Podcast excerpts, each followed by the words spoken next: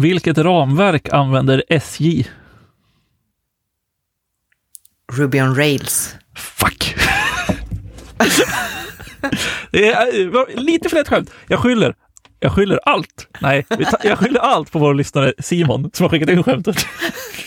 nej. Eh, nej, absolut inte. Men tack Simon för skämtet. Det var bara att Therese var lite för smart för att, för att inte ta punchlinen. också, också, också en sån klassisk, riktigt dålig på att ta emot ett skämt. Även om man vet vad det är så säger man väl jag vet inte. Herregud. Men det är det jag take pride Men alltså du spenderar ju varenda skämt jag drar med och gissa vad det är på riktigt. Ja, och sen när ja, du kan det så har du gissat det. Så ja. då tänker jag att jag också får gissa. Ja, ja, det är klart du får. Det är klart du får. Jag är bara besviken på att varje gång jag drar skämt så misslyckas det. det är inte sant. Men alltså jag sitter ju nära Ruby on Raids hela dagarna nu, så det är nära. Ja, det låg nära, det låg nära till hans. Mm. Det skulle vi kunna prata lite om. Men först, eh, som sagt, tack till Simon för skämtet. Fortsätt skicka in skämt, det är svinkul. Eh, det finns på vår hemsida eller skriv till oss på Instagram. Men eh, eh välkomna, till, välkomna till ett nytt avsnitt. Herregud vad uppe i varv jag blev av det där misslyckandet. det, är så det är också att det alltid är du som går mest upp i varv, oavsett om det är du, du som drar skämtet eller tar emot skämtet. Ja, exakt. Jag är jävligt bra. Jag är en bra deltagare i liksom en skämttransaktion, oavsett om jag levererar att, eller tar emot. Det är som att du är på on air varje gång. Exakt. Eh, ja. Jo, vad sa du? Du sitter och programmerar Ruby on Rails. Nej, jag sa att jag sitter nära Ruby on Rails. Ah, jag, jag okay. ibland kanske ger mig in i lite HTML-templates eller så Ruby-templates. Jag har också lärt mig följa Rails-magin någorlunda och jag har väl gjort någon typ av controller för ett, för ett skript och så här. Så jag är nära det, men jag är inte riktigt i det. Tycker du det verkar nice? Alltså så här, jag tycker att det verkar som ett ja, men, ganska schysst språk. Jag tror att det som är problemet med rails är att det är så himla mycket magi. Så jag tror att man verkligen måste kunna det för att mm. Liksom, göra bra saker. Men kan man det så tror jag att man kan vara ganska effektiv i det. Liksom. Um, men det är mycket så att jag är, är borttappad mycket av tiden. Liksom. Den här syntaxen är ju lite annorlunda. Men sen är det ju så här, hade en genomgång från en utvecklare när man följer med, så make it sense och det känns nice. Och liksom MVC, så att ja. Ja, just det. Ja, för jag har ändå, alltså det finns ju någon typ av eh, bild, i alla fall bland folk jag följer på Twitter, vilket ofta är min källa till all, allt jag säger här i podden. eh, att så här, Ruby on Rails är så här svinbra för att komma igång med, för att du får allting out of the box. Alltså att allting är liksom, eh, vad heter det, scaffoldat. Alltså att du kan bara säga, ah, men ska du ansluta en databas, ja då är det löst åt dig. Ska du göra det här så är det löst åt dig och så vidare. Och, och att det då ofta, de här grejerna ofta kommer upp i samband med att man pratar om typ så här React eller JavaScript-ramverk överlag. Eller så här. Och att väldigt mycket, det finns hundra olika sätt att lösa saker på. Medan just Ruby on Rails verkar vara väldigt mycket så här, ja, ja, vi har löst det här åt dig, gör så. Ja. Ja, men jag tror det. Men det är väl det som är mycket av magin. Liksom. Det är typ så här, om du skriver den här variabeln så förväntar vi oss att det finns en fil som har exakt det här namnet och det är så kopplingen går. Liksom. Just det. Väldigt mycket magi alltså, låter det som. Ja. Ja. Ja, det är spännande. Eh, det är i alla fall så jag uppfattat det. Nu är ju absolut, jag, absolut inte jag en Ruby on Rails-utvecklare, eh, det kommer jag aldrig försöka påstå. Men eh, det, det är så jag uppfattar det nu. Liksom. Jag tror också att mitt kexjobb var Ruby on Rails, men då fattade jag absolut ingenting. Jag hade typ aldrig webbprogrammerat hela mitt liv, så att, eh, ja. Ja, men jag tycker det är svårt det där, för att det känns som att just sådana där saker som att så här, ja, men allting kommer funka out of the box, eller allting finns för dig. Det känns som att man måste liksom offra just att det blir lite mer magi för att det ska vara ganska nice. Ja, men säkert. Alltså, om du ska ha någonting som är sådär out of the box så måste det väl vara super, super opinionated. Ja. För jag menar, alltså, om du kan göra saker på 500 olika sätt, då kan du göra fel på 500 olika sätt också. Det är väl inte det man vill då. Om ja, det ska vara nej, så exakt. superlätt och bara lira, då måste det väl vara så här. Vi har bestämt, så här är det, följ det här, annars kommer det inte funka. Nej, exakt. Nej, det där är ju det är spännande, för jag vet att eh, eh, typ Remix, som vi har pratat om tidigare, de har ju sitt koncept med olika stacks. Alltså det vill säga, det är ju egentligen templates, men de är liksom anpassade efter olika eh, användningsområden. Så det finns någon som heter The Indie Stack, tror jag till exempel, som är just där, ja men du, du får anslutning till en databas, typ SQLite, och du får lite användarhantering med cookies och lite sånt out of the box i din template. Sen är ju det här ingenting, eller så här, allt det här är ju saker man skulle kunna bygga själv på Remix. Men jag tycker det är en ganska trevlig grej att få. Typ fredagslunchen till exempel är ju baserad på en av de här stacksen. Eh, och det har funkat svinbra. Jag har liksom byggt ovanpå den sedan dess. Liksom. Jo, men jag kommer ihåg det här för jag startade med en Indie-stack och det var ju en SQLite och sen så ville jag gå över till en Postgres och det är ju egentligen en Blue-stack då. Mm. Eh, så att jag tror att jag istället för att härja runt i det där bara drog upp en egen, en ny Bluestack och flyttade över kod i slutändan. För att alltså det hade nog varit jättelätt att bara ändra postgressen och sådana grejer. Men det blev någonting med att okej, okay, så jag har gjort de här ändringarna för att jag vill köra style components och de stödjer inte den här React Streamable och sådana grejer. Och så, och så blev det liksom, ah, jobbigt. Och det tror jag kan vara så här, om man behöver fixa någonting och göra någonting med sådana här typer av saker, då kan det bli jobbigt. Om saker bara lirar så är det underbart, men ja. inga konstigheter. Nej, det jag liksom har känt med, med just uh, remix-stacksen är ju så här, man vill nog ändå ta en del tid att sätta sig in i dem när man väl sätter upp dem. Alltså för att annars kan man ju hamna i så här, alltså jag vet inte hur det här funkar. Alltså det, det funkar bara, men hur? I, I don't know. Eh, och då blir det ju svårt att liksom förlänga den eller liksom utöka funktionaliteten som redan finns från början. Och jag såg liksom, jag tänkte på det här särskilt för att just Remix-stacksen, det släpptes en ny stack av Kent C. Dodds eh, härom veckan kanske, jag vet inte riktigt, på någon konferens, som han kallar för The Epic Stack. Eh, och det kommer från, det kommer från eh, han har ju någon kurs som heter Epic Web Dev eller Epic React, jag kommer inte riktigt ihåg, någonting sånt. Eh, och den innehåller fan hur mycket som helst. Alltså det är så jävla mycket grejer.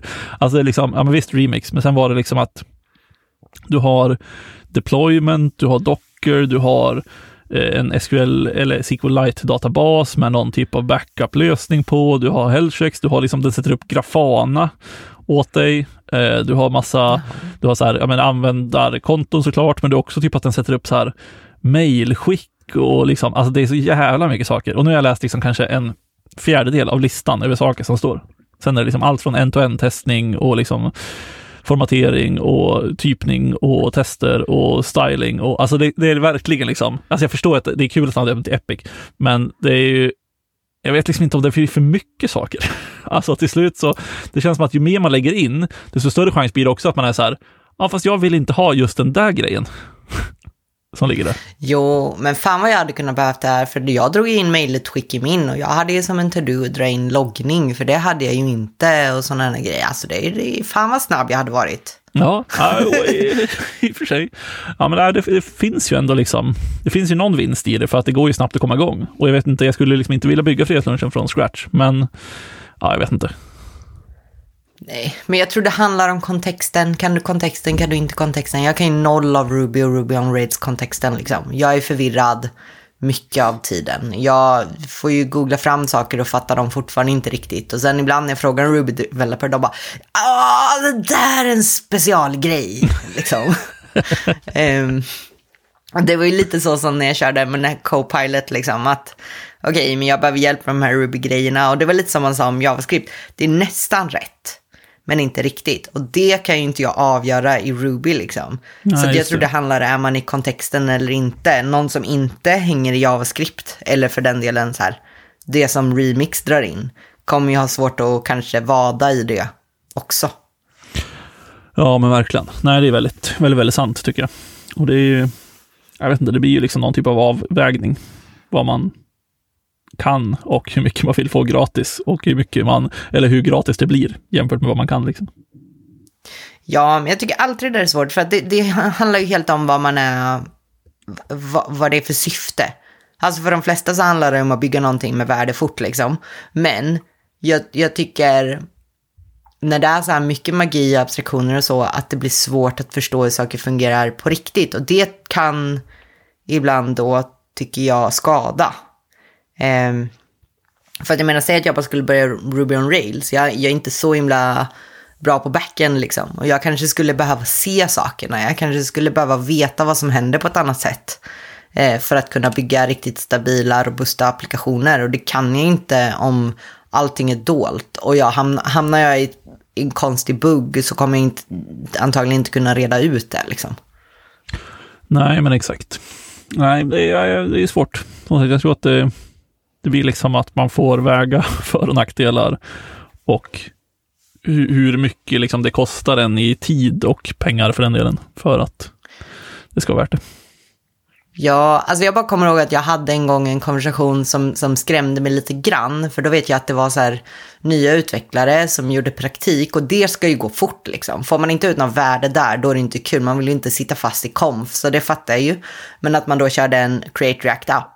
Mm. Och det blev en så här, vi hade en diskussion, för jag hade nog inte kört så mycket React, Create React App då. Så jag tror vi hamnade i en diskussionsstyling. Jag bara, men vart importerar ni stylingen? Vart länkar ni stylingen liksom? De bara, vad pratar du om? Man importerar den bara. Jag bara, men vadå, kan du bara importera den i vilken fil som helst? Hur funkar det? Alltså det här var ett tag sedan, ska vi säga. Ehm, och de bara, ja hur skulle man annars göra?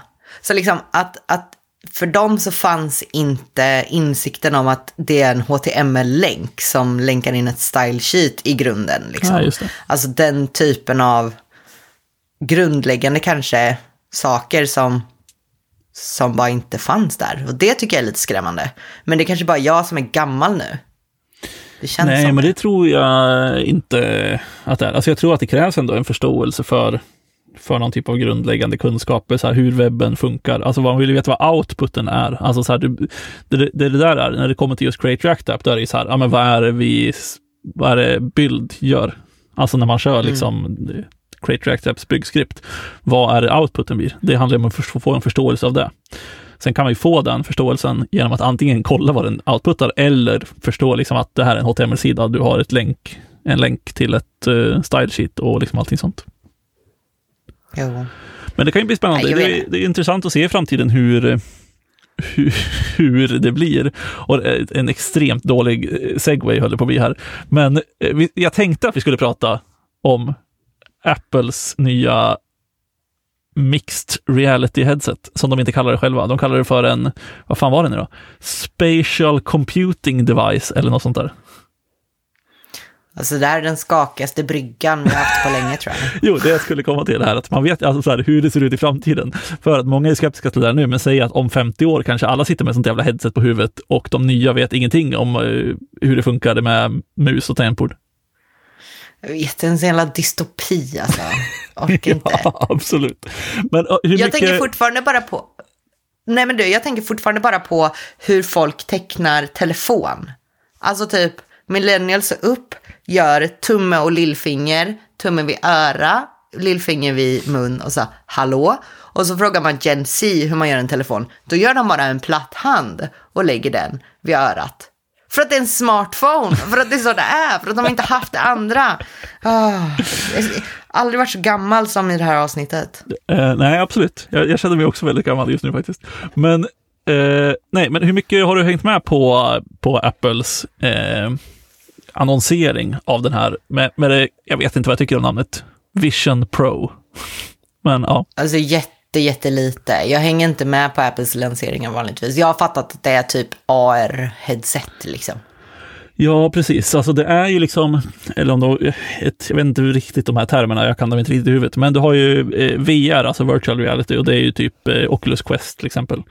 Där du har liksom att du sätter på dig headsetet, du kliver in i en annan värld, du ser liksom inte igenom headsetet eh, på samma sätt. Alltså det påverkar inte, den blandar inte det du ser i headsetet med verkligheten. Sen finns det ju då AR. Augmented Augmented Exakt. reality. Exakt, som då ska vara det som är tvärtom, att den typ ska på något sätt blanda eh, det du ser i verkligheten med eh, någon typ av liksom, lager ovanpå.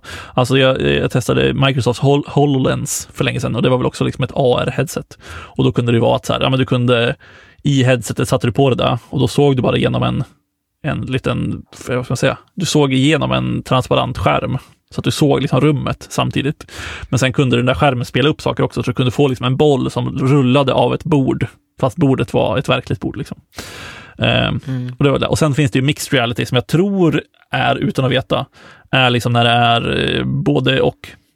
Alltså du kan göra liksom att du kan ha både något som inte påverkar den yttre världen eller att den blandar de här sakerna och sånt där. Och jag tror väl det är lite, liksom, i alla fall kapaciteten på den här Vision headsetet från Apple.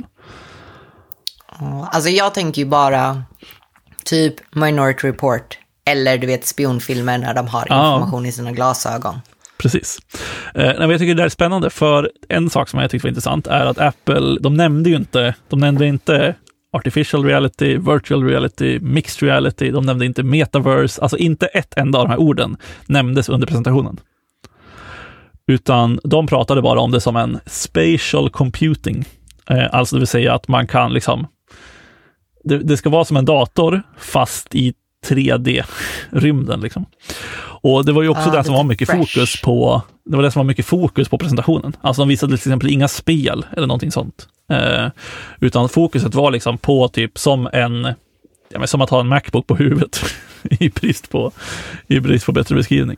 Så att du kunde liksom få upp skärmar, du kunde få upp liksom appar, eh, du kunde liksom filma med den, du kunde spela upp 3D-filmer och lite sånt. Det var ju, en, det var ju kanske en av de mest dystopiska eh, scenerna i deras liksom, eh, reklamfilm för den här. När det var typ någon pappa som hade på sig en sån här och filmade sina barn under deras födelsedag när de blåste ut liksom, ljuset på sin tårta. Eh, och då var det så här, relive your moments later, bla bla. Och det har ju, eh, helvete vad folk har reagerat på det. Men alltså det är också lite kul att folk reagerar på det, för det är väl exakt samma sak man gör med sin mobil.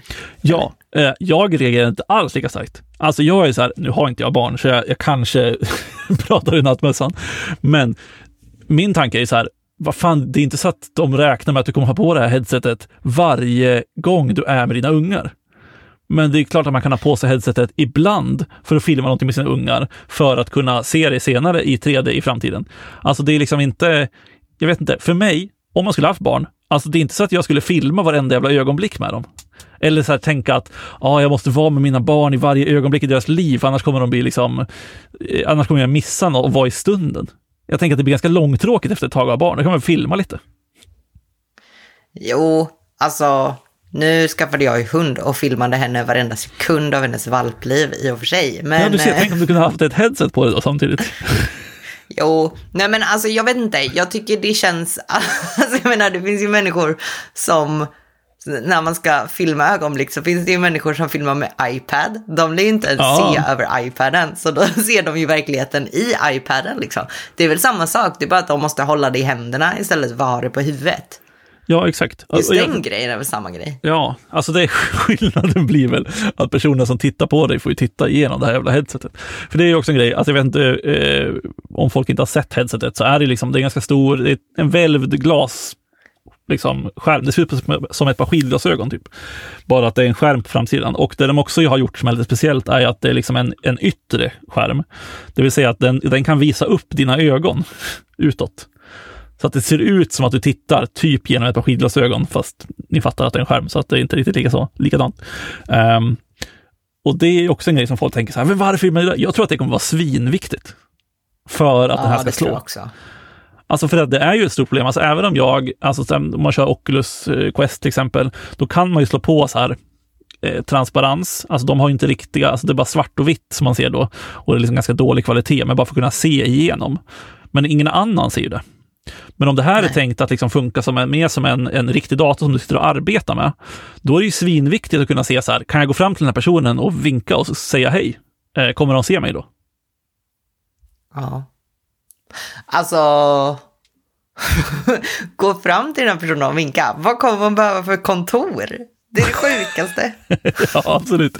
Och jag vet inte, det är liksom, det, när de har visat på de här reklamfilmerna, det är vad de man har att gå efter, då står ju en person bara vid ett, ett tomt skrivbord och liksom står och tittar ut i intet.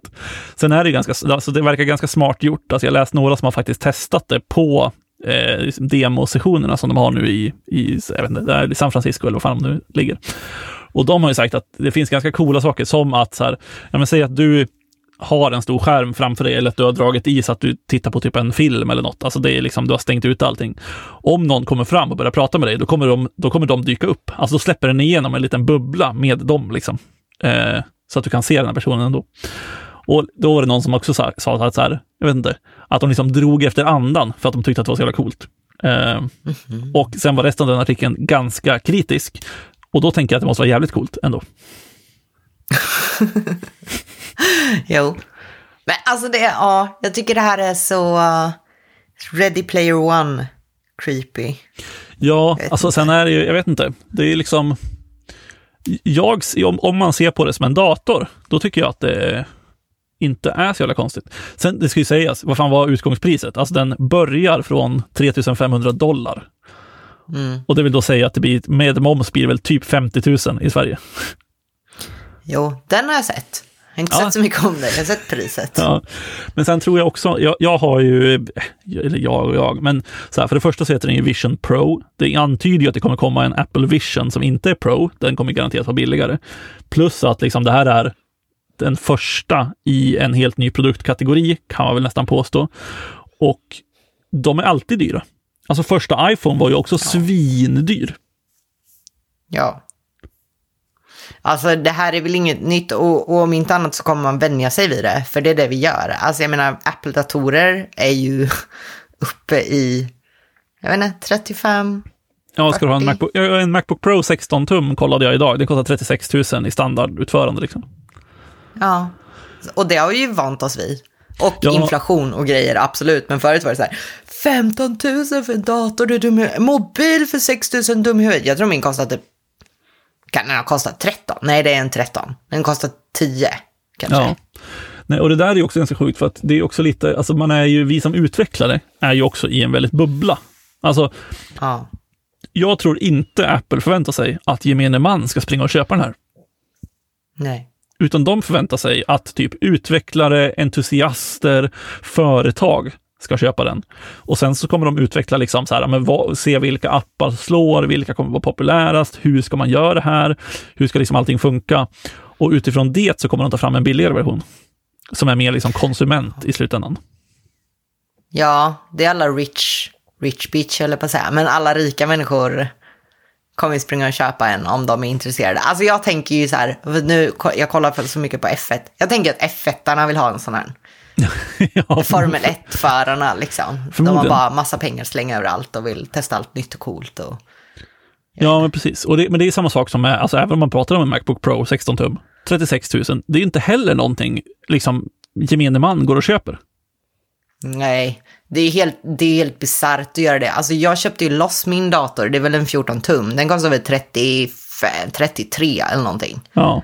Eh, och det hade jag ju aldrig gjort om jag inte behövde den för jobbet. Eller Nej. liksom, alltså att jag vet att jag kan använda det i jobbet. För att, vad fan ska jag med den till? Ska jag, ska jag e-shoppa på en jävla Macbook Pro? Nej, exakt. Och det är samma sak, alltså så här, då, då köper man typ en billig iPad idag istället. Ja, är iPad dött? Använder folk ens iPad längre? Oh, jag tror att det används mycket mer än man tror. Alltså det, jag tror att vi lever i den här jävla utvecklarbubblan som är så här, oh, man, kan inte, man måste ha dyrt jävla skrivbord till det för att det ska vara en vanlig dator. Och man bara, men alltså folk an, behöver inte datorer längre.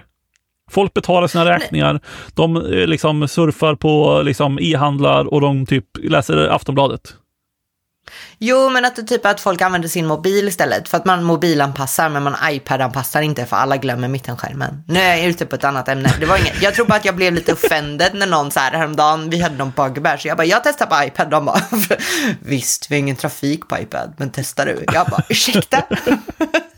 Ursäkta, jag är trafiken på iPad. ja, iPad är allt jag använder. Ursäkta mig, personally offended. Kränkt. Ja blev jag. Nej, det, det är klart att folk, eh, folk eh, liksom använder telefonen mycket mer än förut också. Eh, och det är liksom definitivt mer telefon än, än iPad. Men jag tror, alltså mycket fler som tänker så här, ah, jag ska köpa en dator, köper en iPad. Ja, det finns ju, alltså jag... har du läst, det här är också ett sidospår, det finns ju en Fredrik Backman som har skrivit En man som heter Ove. Mm. Uh, och Björndalen eller vad de heter. Exakt. Björnriket. Björn, eh, Han, en man som heter Ove föddes ju på hans blogg på typ Café kanske. Eh, Där finns det ett, eh, ett inlägg som heter En man som heter Ove köper en data som inte är en data. Som handlar Mm. om att då Ove-karaktären ska köpa en dator och eh, den här personen i butiken rekommenderar en iPad. Det är fruktansvärt roligt. Jag lägger den i, i eh, avsnittslänkarna så kan man njuta av den. Den kom till en 2010, så det är skapligt länge sedan. Jävlar vilket sidospår. Också att man ska tycka det är kul med en grinig gammal gubbe. Det är ganska kul med en grinig gammal gubbe. Jag, jag tror jag identifierar mig för mycket med den griniga gamla gubben, så jag kan liksom inte... Kan inte. Nej, jag förstår det. Eh, vart var vi? Jo, Jo, men alltså jag tycker det är lite skrämmande så här, för att jag ser ju, alltså jag tycker det är ett problem, eller alla pratar om att det är ett problem att vi bara lever genom våra mobiler. Så mobilen är med överallt, jag är fastlimmad till min mobil, jag har inte ens TikTok för jag vet att det skulle vara ett hål jag aldrig skulle ta mig upp ur liksom. Jag, jag, typ, jag vet inte ens vad jag gör, ibland så hänger jag i min, eh, liksom, Nordea-app och kollar vad jag har köpt förut för att jag inte har något bättre för mig. Alltså så här, jag, det, jag gör inte ens något med mobilen men jag bara hänger i den. Eh, och, nu, och, och så gör man ingenting annat så lever man inte ute i världen och man rör inte på sig. Lalala. Alltså jag tycker att det här känns som en dystopi om alla bara ska sitta med ett headset sen. Ja, ja men det, det kan jag hålla med om. Men alltså jag vet inte, jag, jag tror ju att målet inte är det. Jag tror att målet är att ersätta datorn. Ja, i och för sig det kanske är bättre ergonomi. Använder man händer och tal och sånt för att navigera tyckte jag mig se. Ja, eh, det är också en ganska cool grej. Du använder, alltså så här, för eh, om man tänker just Minority Report som du pratade om tidigare. Han, är, alltså han vevar ju så in i helvete med sina jävla händer. för att få saker Man har ju handskar. Exakt. Och det är ju svinjobbigt. Ja. Så att det, just eh, Vision Pro funkar så att du, eh, vad ska man säga, så här, ja, men du styr muspekaren, eller vad som ska motsvara muspekaren, eller så här, du pekar med ögonen. Så att det du tittar på blir fokuserat, eller det blir liksom där muspekaren motsvarande är då. Eller där du, motsvarande liksom din, ditt finger på telefonen eller på iPaden är. Och sen så eh, använder du liksom handen bara för att klicka. Och det som är smart med det här är att det finns då några kameror på liksom främre undersidan av headsetet. Så att de filmar liksom ner i ditt knä, så att säga, om du sitter ner. Och det betyder att du kan ha din hand vilandes i knät. Bara samtidigt. Så du behöver liksom inte lyfta upp armarna eller någonting, utan du behöver liksom inte anstränga dig för att göra saker. Och då är det typ att men du kan typ klicka med fingrarna genom att ja, men göra liksom en nyprörelse tror jag. Och du kan typ scrolla genom att liksom dra med tummen över fingret på den vänster. Jag har bara sett det här på några klipp. Men så har jag uppfattat att det funkar. Och det är ju ganska coolt att det är liksom ögonen som styr åt dig. Så vi behöver aktivera inga muskler överhuvudtaget annat än Exakt. ögonen i princip. Exakt. Gud. Gud. Alltså det är ju coolt och det är coolt att eye tracking kommit så långt. Speciellt om man tänker till människor som verkligen, verkligen behöver den här typen av saker. Alltså accessibility, um, liksom att man kan uppa accessibilityn för människor på det här sättet så att det kan bli att alla kan använda det. Det är ju coolt, men, men fortfarande alltså... Oh. Jesus. Ja, men det är ju också det, det, jag tror att det är det här som krävs för att det ska slå. Alltså du kommer inte få folk att stå upp med typ ett Oculus-headset på dig där du måste vifta med en jävla handkontroll och peka med den och grejer. Det är liksom, det är för, för svårt. Det är för jobbigt också. Man måste ha så mycket utrymme, så, saker som inte kan gå sönder. Ja, exakt. Nej, jag fattar. Jag tror absolut det är det här som kommer slå, men jag tycker också det är läskigt. Alltså jag tycker att vi lär oss ingenting. Men jag menar alltså, av, av Wall-E. Ready Player One. Vi lär oss ingenting. Nej. Nej, men jag, jag har ju också svårt att det blir så pass bra. Alltså så här, i det här fallet, då är det liksom att i och med att det är eh, både, liksom, både virtuell verklighet och liksom det här eh, artificiell, alltså eller augmented, vad fan heter det? Augmented reality. Eh, så känns det lite som att de är, de är liksom inte ute efter att folk ska sitta i headset hela tiden, utan det känns mer som att deras målgrupp är liksom, det är bara arbete. Alltså så här, jobba i den här, sen gå och göra vad fan du vill. Vad tungt det måste vara för huvudet. Ja, det känns som att det kan bli lite tungt. Men jag vet Tänk inte. att jobba det där åtta timmar om dagen. Jag hade ett par Bose noise cancelling. Jag fick liksom ont i nacken efter tre timmar. Ont i huvudet efter fem timmar. Ja, de har ju också, de har ju liksom försökt få ner vikten. Så till exempel har du ju ett externt batteri eh, som du typ får ha i en ficka liksom, som går med sladd till headsetet. Eh, batteritiden bara två timmar. Det är inte särskilt länge. Det, det är som forced break. Ja, men det, är- det är också, också så här all day battery life eller all day bla bla om du pluggar in den i väggen. Man bara, jo, jag, no shit, men då sitter jag fast. Ehm, gud. Så att, ja, det, jag tycker det ska bli spännande att se vad det blir. Alltså, jag tror att det kommer vara intressant att se. Alltså, jag skulle kunna tänka mig att ibland skulle det kunna vara svinnice att sitta och jobba i det. För att så här, man vill ha flera skärmar till exempel. Eller du vill sitta och jobba med någonting på ett helt annat sätt. Alltså man får ju mycket mer frihet. Alltså det är bara det som tilltalar mig. Det tilltalar mig inte 50 000 kronor mycket. Men, men det tilltalar mig att i framtiden kunna ha ett headset på mig och liksom ha kanske ett tangentbord framför mig fortfarande, för han vill ha det här alltså taktila.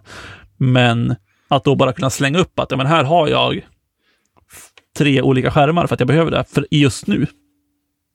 Men alltså tänk influencers in the wild. Och så ska de stå där med sina skumma headset. Ja, se. de ska, de ska också filma i 3D. Ja. Men då kommer inte de ha på sig headsetet. Då kommer, då kommer någon liksom assistent springa efter dem med ett headset och filma liksom där de. ja, jag vet, men liksom businessen. Det kommer vara massa konstiga. Och så här, turister, alla kommer stå vid typ Eiffeltornet och på Kärleksbron eller vad den heter med sina headset på sig. Perfekt! Och då kan man återuppleva det själv sen. Man sätter på sig headsetet och så ser man alla andra med sina headset på och så känner man en tillhörighet. Ja, härligt. Ja. Minions. Nej, jag vet inte. Jag tror, det, jag tror det kommer bli intressant. Headset släpps ju för det första inte förrän nästa år. Eh, så att det, det kommer väl ta ett tag innan det här blir något av det. Och sen kanske 2025, 2026, när någon typ av konsumentversion har kommit, då, då kan vi börja prata. Ja. ja, då får vi prata om det igen då. Ja, gud ja. Lagom till typ då. avsnitt eh, 180-200 där någonstans. Då kanske vi är, kanske vi är framme. Gud. Kul att ni lyssnar hörni. Vi eh, säger väl så för den här gången tycker jag. Ja. Följ jag. oss på Instagram som vanligt. Ge oss en recension på iTunes. Nu är jag, jag känner mig tillbaka i den här härliga avslutningen. Det är liksom Don't forget to click that bell och vad fan man nu säger på YouTube. Jag vet inte riktigt. Men följ oss där vi finns. Klick click subscribe button. Hej då. Hej då. Thank you.